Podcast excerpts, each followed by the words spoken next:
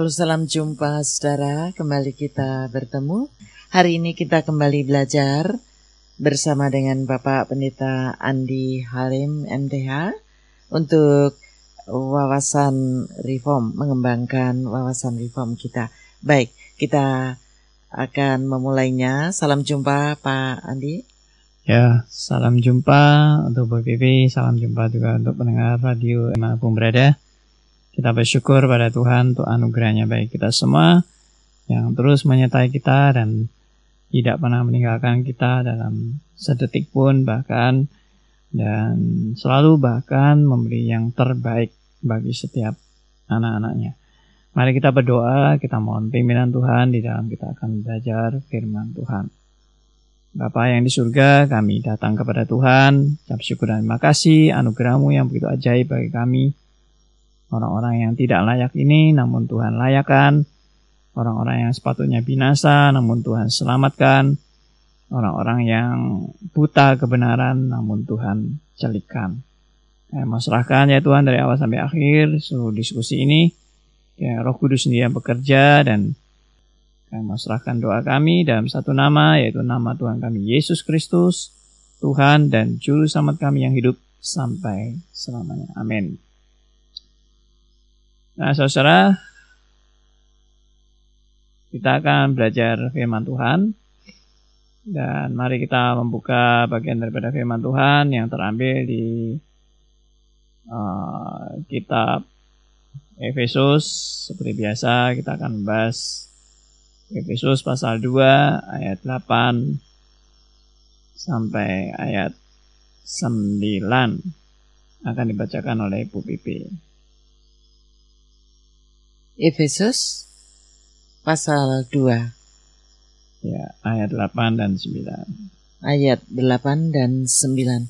Sebab karena kasih karunia kamu diselamatkan oleh iman, itu bukan hasil usahamu, tetapi pemberian Allah.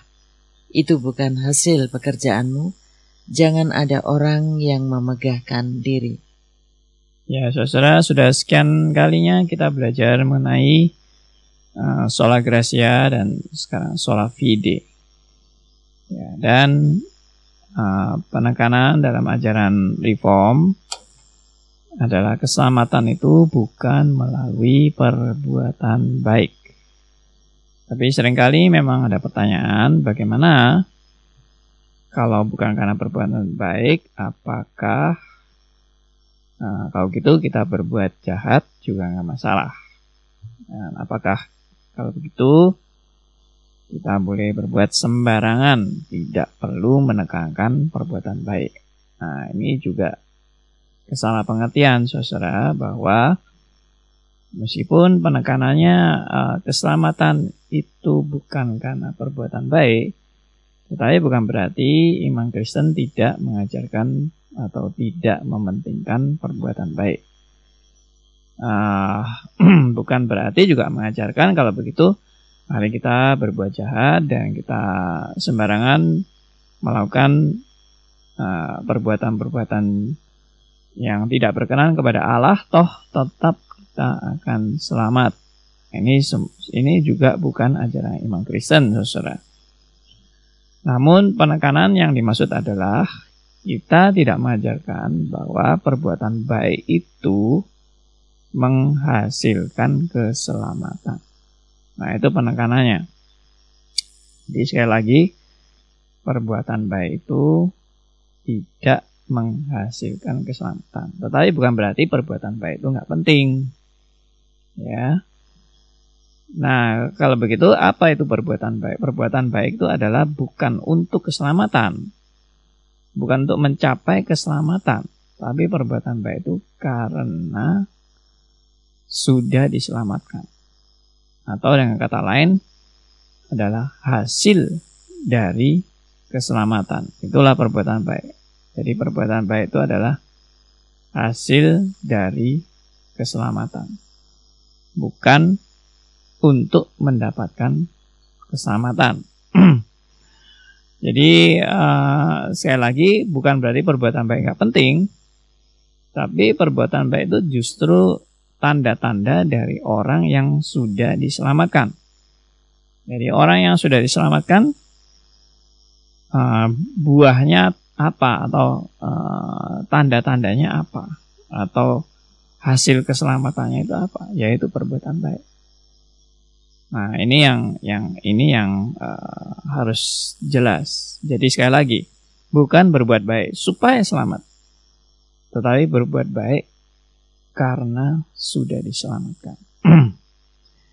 Dan perbuatan baik yang uh, karena sudah diselamatkan ini juga merupakan perbuatan baik yang uh, merupakan ucapan syukur kepada Allah.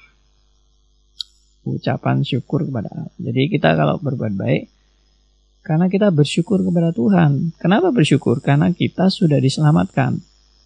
Jadi orang yang sudah diselamatkan tuh pasti nggak mungkin malah uh, apa ya, kerinduannya malah ingin berbuat jahat. Oh enggak, enggak mungkin gitu. Orang yang sudah diselamatkan pasti bersyukur, berterima kasih, dan rindu untuk berbuat baik. Ya, sebagai ucapan syukur kepada Allah. Nah, yang berikutnya adalah kalau tadi yang pertama adalah tanda keselamatan atau hasil keselamatan, yang kedua adalah ucapan syukur kepada Allah. Ya, perbuatan baik adalah merupakan ucapan syukur kepada Allah. Dan yang ketiga adalah perbuatan baik itu adalah tujuannya adalah untuk memuliakan Allah. Gitu. Jadi perbuatan baik yang kita lakukan itu bukan untuk kemuliaan diri kita sendiri atau kebanggaan kita atau kesombongan kita atau uh, kita merasa kita sudah begitu hebatnya sehingga kita mampu berbuat baik. Tidak. Tapi perbuatan baik itu adalah untuk sebagai satu uh, sebagai satu tujuan yaitu supaya melalui perbuatan baik ini uh, itu suatu wujud di mana saya uh, punya kerinduan atau punya tujuan untuk kemuliaan bagi Allah. Jadi perbuatan baik ini bukan untuk kepentingan saya, bukan untuk kebanggaan saya, bukan untuk kesombongan saya dan bukan untuk kemuliaan saya. Tapi saya rindu memuliakan Allah dengan dan dan saya digerakkan untuk memuliakan Allah. Saya saya di, didorong oleh Roh Kudus untuk memuliakan Allah dalam hidup saya dengan saya melakukan perbuatan baik. Jadi Hmm, kalau saya sebagai seorang misalnya sebagai seorang dokter dan saya ingin uh, saya saya mau jadi dokter yang sungguh-sungguh bertanggung jawab dan dokter yang sungguh-sungguh juga merawat pasien dengan dan ben, dengan benar dengan dengan sebaik-baiknya. Nah, itu bukan karena saya ingin disebut sebagai dokter yang baik dan saya dipuji-puji oleh banyak orang, tapi saya melakukan itu karena tujuan hidup saya adalah untuk kemuliaan bagi Allah. Jadi biarlah uh, orang tahu bahwa saya melakukan ini karena uh, saya adalah milik Allah. Hidup saya bukan bukan bukan hidup untuk kepentingan saya. Hidup saya adalah suatu pengabdian untuk kemuliaan bagi Allah. Nah ya, jadi Uh, kalau tadi disebut sebagai uh, tanda keselamatan, yang kedua sebagai pengucapan syukur kepada Allah, ya, dan yang ketiga ini adalah dengan tujuan untuk kemuliaan bagi Allah. Dan yang keempat adalah yang tadi saya sudah sebut, yaitu pengabdian. Perbuatan baik adalah merupakan suatu pengabdian kita kepada Tuhan. Jadi pengabdian atau ketaatan ya itu. Jadi memang menjadi orang percaya itu adalah karena saya beriman kepada Tuhan, maka saya juga mau taat kepada Tuhan.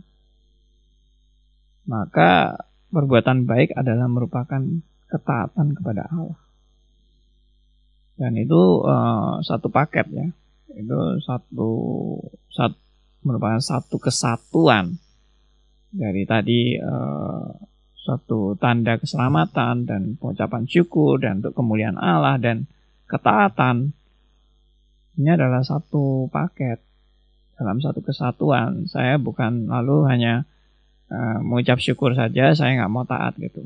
Antara mengucap syukur dan taat yaitu satu bagian yang bersama-sama. Nah, jadi uh, Berbuat baik itu juga baik yang menurut Allah ya, bukan baik yang menurut kita. Baik yang menurut baik yang menurut manusia, baik yang menurut Allah itu adalah benar-benar baik yang menurut standar Allah gitu. Nah, maksudnya bagaimana baik menurut standar Allah? Uh, baik yang menurut manusia belum tentu baik menurut standar Allah. Dan baik menurut Allah belum tentu juga baik menurut konsep manusia. Karena eh, manusia hanya berpikir mungkin eh, di depan matanya, tapi Allah berpikir sampai pada kekekalan. Nah, itu aja udah ukuran baiknya udah beda. Ya. Dan akan bisa terjadi konflik karena uh, baik menurut Allah dan baik menurut kita itu bisa bisa terjadi kontradiksi karena cara pandangnya beda. Ya, Allah pandangannya pandangan jauh ke depan, kita pandangannya hanya di depan mata kita aja. Nah, jadi baik yang bagaimana baik yang menurut Allah itu? Baik yang menurut Allah adalah baik kalau kita mengenal Allah yang benar dan mengenal kehendaknya. Nah, itu itu itu itu baik yang menurut standar Allah. Karena kalau kita baik-baik tapi kita tidak pernah peduli dengan firman Tuhan, kita tidak pernah peduli dengan uh, pengenalan akan Allah, kita tidak pernah peduli dengan kehendaknya, firmannya. Ya itu bagaimana bisa disebut baik menurut Allah? Kalau kita memang benar-benar baik menurut Allah, ya kita harus kenal siapa Allah kita. Nah mungkin orang baik baik bisa berbuat baik menurut Allah kalau dia nggak kenal siapa Allahnya. Dan tidak mungkin dia bisa berbuat baik kalau dia tidak mengenal firman dan tidak tahu apa yang Tuhan inginkan dalam hidupnya. Sehingga ya berbuat baiknya itu sembarangan, seenaknya. Ya, ilustrasi misalnya uh, ada seorang anak yang waduh baik sekali dia dengan teman-temannya itu wah pergi bersama-sama temannya traktir temannya gitu ya. Dan wah pokoknya temannya perlu apa dia tolong gitu. Dia dia dampingi temannya dan sebagainya. Tapi anak ini nggak pernah peduli sama orang tuanya. Dia pergi pergi terus. Orang tuanya nggak digubris. Orang tuanya butuh apa nggak pernah ditanya nggak pernah di tidak eh, uh, dipedulikan gitu. Tapi sama temannya baik sekali. Nah, bagaimana ini baik Baik si anak ini. Baik kalau bagi temannya dia baik. Bagi orang tuanya dia anak durhaka. Gak peduli sama sekali sama orang tuanya dan tidak menghormati orang tuanya. Tidak pernah meng, apa eh, dia tidak tidak dekat sekali dengan orang tuanya dan tidak peduli dengan kehendak orang tuanya. Nah, ilustrasi ini mau menunjukkan bahwa kalau kita menyebut diri kita baik, tapi kita nggak peduli sama Tuhan, itu namanya bukan orang baik. Ya, oke okay, kembali lagi. Jadi uh, tadi masalah iman, iman tuh uh, keselamatan itu bukan karena perbuatan baik, tapi karena uh, iman ya yang disebut iman itu adalah percaya kepada Tuhan. Ya, trust percaya kepada Tuhan. Dan kalau kita per, namanya percaya maka orang percaya itu mesti orang yang uh, taat ya. Orang yang percaya itu orang yang taat. Ya, orang yang percaya itu orang yang kalau nggak taat ya namanya bukan percaya. Saya mau percaya trust dan taat. Dan taat itu bagaimana? Taat itu yang menurut kehendaknya atau menurut firmannya. Bagaimana saya bisa taat kalau saya tidak kenal firmannya? Bagaimana saya bisa taat kalau saya tidak mengenal kehendaknya? Nah, jadi itu iman yang benar. Kalau iman cuma sekedar, oh ya percaya, percaya, percaya, maka Yakobus 2 ayat 19 juga pernah mengatakan, kamu percaya bahwa Allah itu satu saja, baik setan juga percaya bahwa Allah itu ada. Ya, bahwa Allah itu satu. Jadi, uh, tapi setan nggak pernah taat sama Tuhan. Dan setan justru melawan kehendak Allah.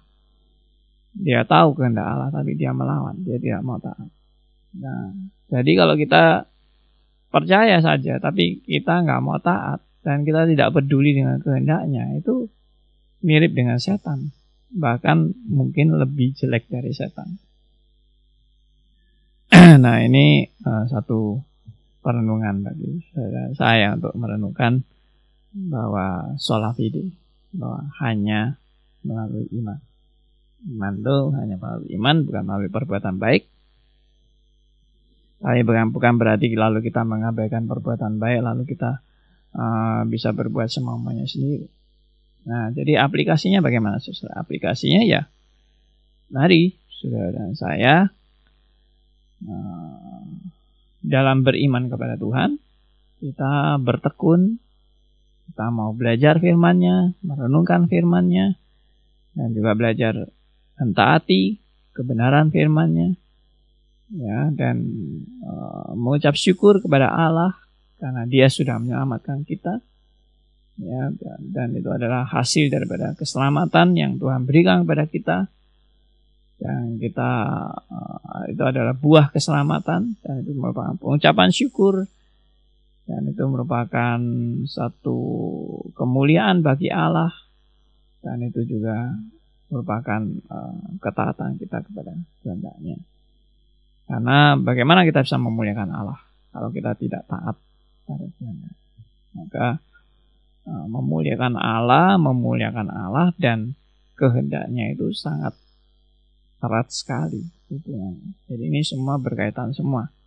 Iman, ya, percaya, dan taat dan mengenal kehendaknya dan mengenal Tuhan yang benar nah, ini biarlah menjadi berkat bagi kita semua. Pengertian-pengertian ini di tahun baru. Ya. Kita udah di tahun 2017. Dan setiap kali tahun baru kita selalu juga diingatkan sebenarnya tahun baru itu gak ada beda dengan tahun lama. Karena juga matahari tetap terbit dari timur ke barat dan kita juga tetap menghirup oksigen dari dari tahun lalu sampai sekarang juga masih menghirup oksigen dan uh, ya hidup juga hari yang lalu dengan hari yang sekarang juga sama eh, nggak uh, ada perubahan yang signifikan tentang tiap hari jadi uh, apa yang dipentingkan dalam tahun baru? Yang dipentingkan adalah selalu belajar lebih dekat kepada Allah. Ya, tiap saat belajar lebih dekat kepada Allah. Tiap saat kita lebih bersungguh-sungguh kepada Tuhan. Karena emang hidup itu ya hanya sementara saja. Hidup itu tidak terus-menerus di dunia ini. Hidup itu tidak selama-lamanya di dunia ini kita hanya mampir. Tidak mampir di dunia ini kita juga belajar mengenal siapa Allah kita. Belajar mendekatkan diri kepada Allah. Dan belajar kebergantungan kepada Allah. Belajar untuk mengakui bahwa Allah adalah segala-galanya dalam hidupku. Belajar bahwa uh, nanti ujung-ujungnya saya pun harus kembali ke rumah Bapak.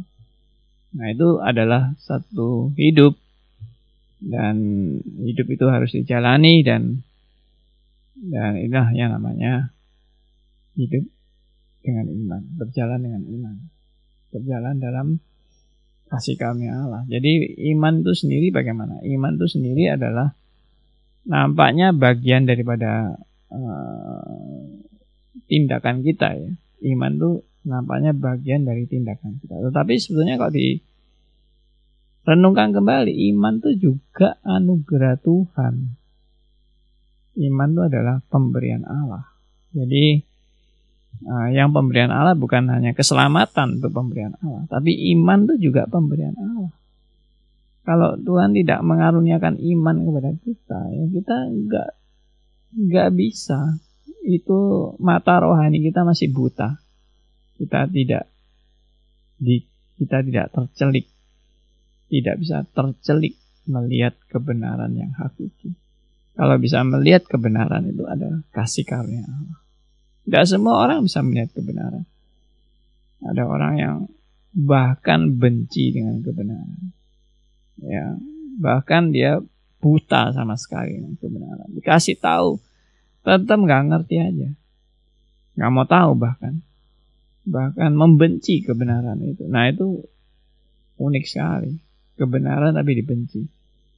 Nah kenapa? Karena tidak mendapat kasih karunia ya itulah pembahasan kita hari ini bahwa kita diselamatkan bukan karena perbuatan baik, tapi hanya karena percaya kepada Tuhan, beriman kepada Tuhan. Sebagai ayat uh, penutup kita membaca daripada Titus pasal 3 ayat yang kelima.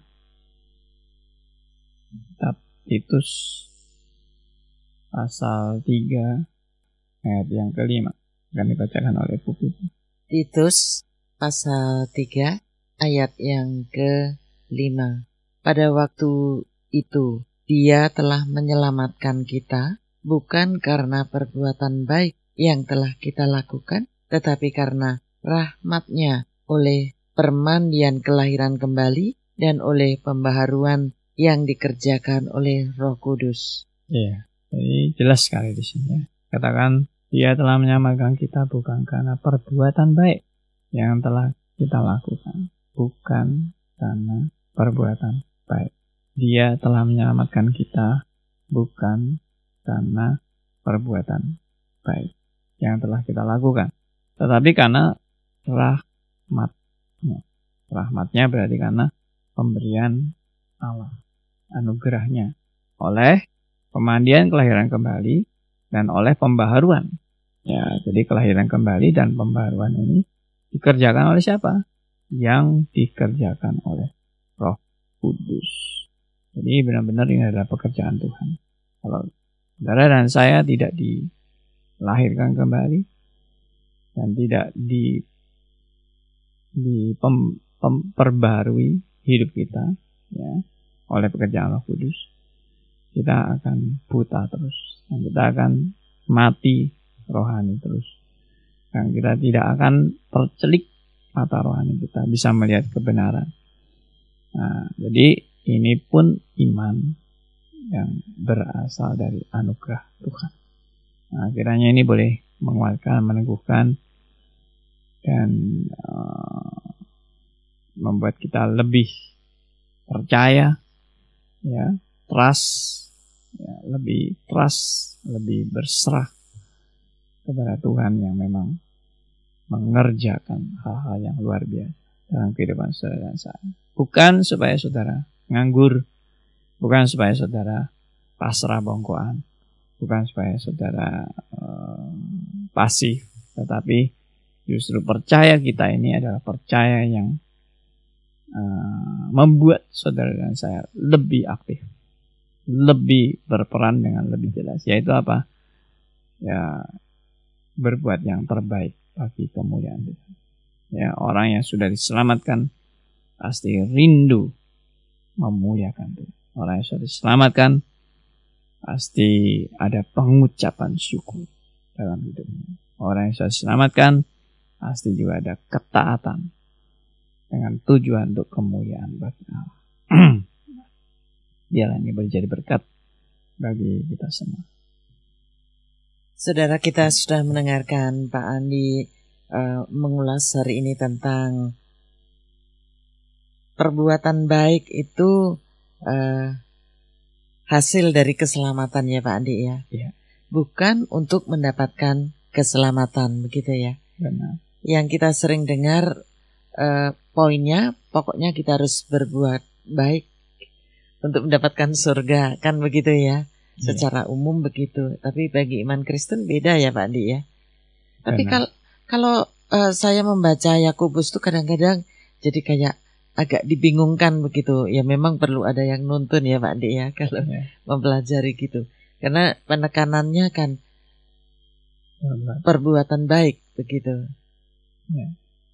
ya, jadi eh, kita pernah bahas itu ya bahwa di kitab Yakobus kenapa menekankan perbuatan? Karena konteksnya adalah banyak orang-orang Kristen yang sudah ini percaya kepada Tuhan dan berpegang kepada prinsip iman adalah satu-satunya yang menyelamatkan kita. Tapi akhirnya karena penekanan hanya kepada iman yang menyelamatkan, itu mereka eh, meresponi dengan salah.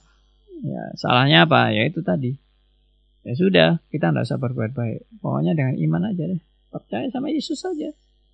Nah, akhirnya pasti selamat. Nah, karena itu mari kita boleh berbuat dosa, nggak apa-apa. Asal beriman. Ya. Mari kita melampiaskan hawa nafsu kita ya dalam hal uh, seks, dalam hal mabuk-mabukan, pesta pora, ya, memuaskan segala hawa nafsu, kepentingan diri, kemuliaan diri dan sebagainya, keakuan. Nah itu nggak apa-apa itu, karena apa? Toh tetap selamat. Nah ini yang ditegur oleh Yakobus. Kamu ini ngaku-ngaku dirimu selamat, tapi perbuatanmu nggak cocok, nggak sesuai dengan keselamatan yang kamu terima itu. Maka dikatakan eh, kalau eh, hanya karena iman saja, lalu kita tidak ada perbuatan, maka imannya itu iman palsu. Ya, bukan bukan eh, pengertiannya bukan eh, imanmu yang tadinya asli sekarang jadi mati itu gara-gara tidak ada perbuatan, bukan. Tapi iman yang gak ada perbuatan itu iman palsu, itu itu bukan iman sejati. Iman sejati pasti menghasilkan perbuatan. Iman yang sejati pasti membuat saudara dan saya insya dan tertegur dan sadar apa yang terbaik yang harus saya lakukan di hadapan Tuhan. Jatuh bangun bisa, ya eh, gagal tapi terus berjuang untuk mentaati Tuhan dengan kekuatan yang daripada Tuhan bukan dengan kekuatan kita sendiri. Nah itu suatu proses dalam perjalanan hidup yang jatuh bangun dan dan eh, di proses hari demi hari makin meningkat makin meningkat.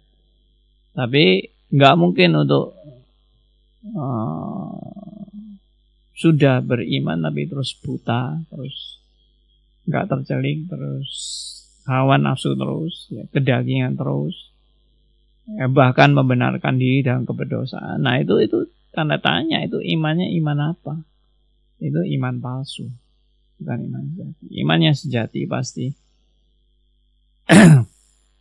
Kita penuh dengan kesadaran penuh dengan kesungguhan penuh dengan pertobatan setiap hari ya uh, introspeksi diri, sadar diri bahwa diri memang nggak layak, tapi terus juga uh, sadar bahwa itu kasih karunia Tuhan untuk kita uh, mau belajar berbuat yang terbaik bagi Tuhan sebagai ucapan syukur dan ketaatan kepada Allah dan untuk kemuliaan Allah dan itu adalah hasil atau buah keselamatan. Nah ini semua itu tadi saya bilang satu paket.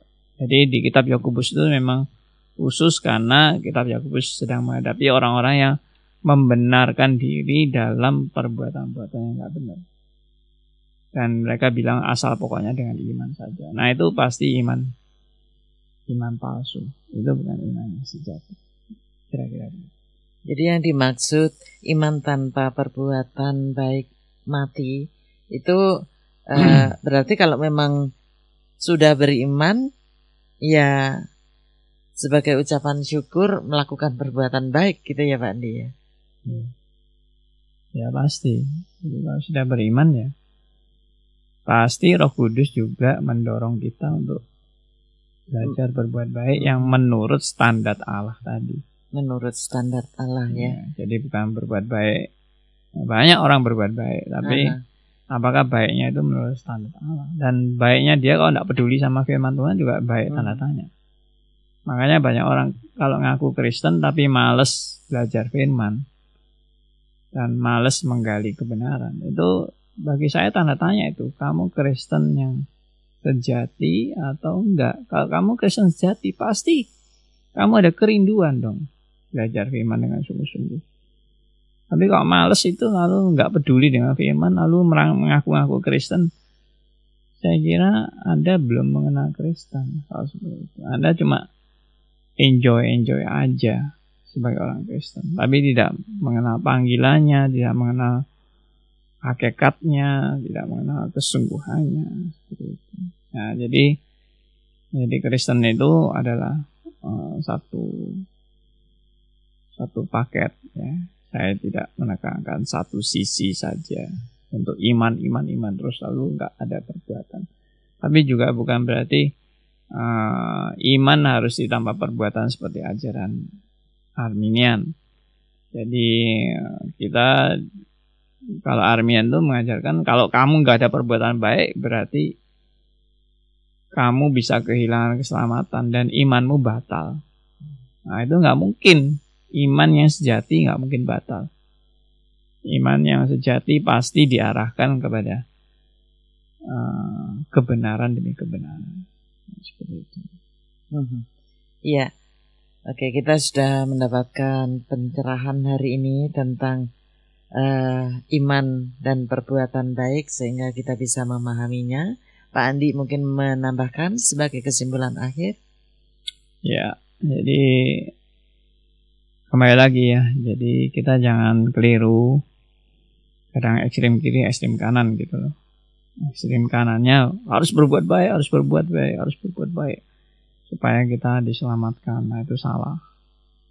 Tapi ekstrem kirinya uh, nggak perlu berbuat baik, nggak perlu berbuat baik, toh sudah selamat. Itu juga salah. Jadi jangan ekstrem kanan, jangan ekstrem kiri. Ya, jangan jangan harus berbuat baik, harus berbuat baik. Karena memang uh, kita tidak mengajarkan kita bisa disamakan karena perbuatan baik. Tapi juga tidak perlu berbuat baik. Uh, nggak penting berbuat baik itu juga tidak benar karena kita juga mengajarkan berbuat baik. Tapi berbuat baik yang bagaimana? Berbuat baik yang setelah diselamatkan. Berbuat baik merupakan hasil keselamatan. Perbuatan baik merupakan pengucapan syukur kepada Allah. Ya, perbuatan baik adalah untuk uh, ketaatan kepada Allah. Perbuatan baik adalah mengenal kehendaknya dan firmannya dan mengenal Allah yang benar dan mau taat sesuai dengan firmannya. perbuatan baik adalah untuk kemuliaan bagi Allah. Nah ini semua perbuatan baik.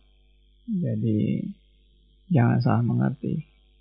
Ya, kalau Arminian bilang uh, iman harus ditambah perbuatan baik. Kalau enggak imanmu akan mati. Enggak, enggak begitu.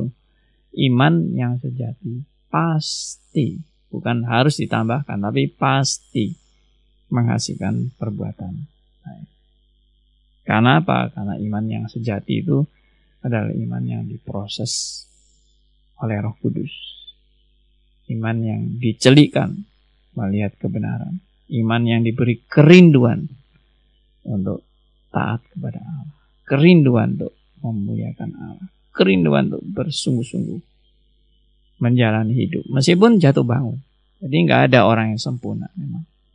Jadi jangan salah mengerti ya. Iman itu bukan berarti lalu langsung sempurna, langsung hebat, langsung tanpa dosa, langsung nggak mungkin ada kejatuhan. Enggak, bisa jatuh bangun. Tapi imannya jelas, arahnya jelas, motivasinya jelas untuk kemuliaan bagi Allah dan bukan kemuliaan diri. Ya, untuk ketaatan yang mengacu kepada firman-Nya, bukan ketaatan yang mengacu kepada humanisme atau kepada relativisme atau kepada uh, pragmatisme atau ya isme-isme yang lain yang bukan kembali kepada Alkitab tapi iman yang benar selalu diajarkan kembali kepada Alkitab back to the Bible ya. mengenal Allah yang benar dan menafsirkan kehendaknya dengan benar nah kiranya ini boleh menjadi dan, uh, kekuatan bagi kita untuk menjalani hidup dan kita boleh terus bersyukur kepada Allah karena iman yang Tuhan anugerahkan kepada kita semua. Mari kita berdoa. Bapak yang di surga, kami bersyukur terima kasih anugerahmu yang begitu ajaib bagi kami. Kami boleh mengenal kebenaran firman-Mu. Ini juga bukan karena kemampuan kami. Ini bukan karena kehebatan kami, tapi karena anugerah Tuhan.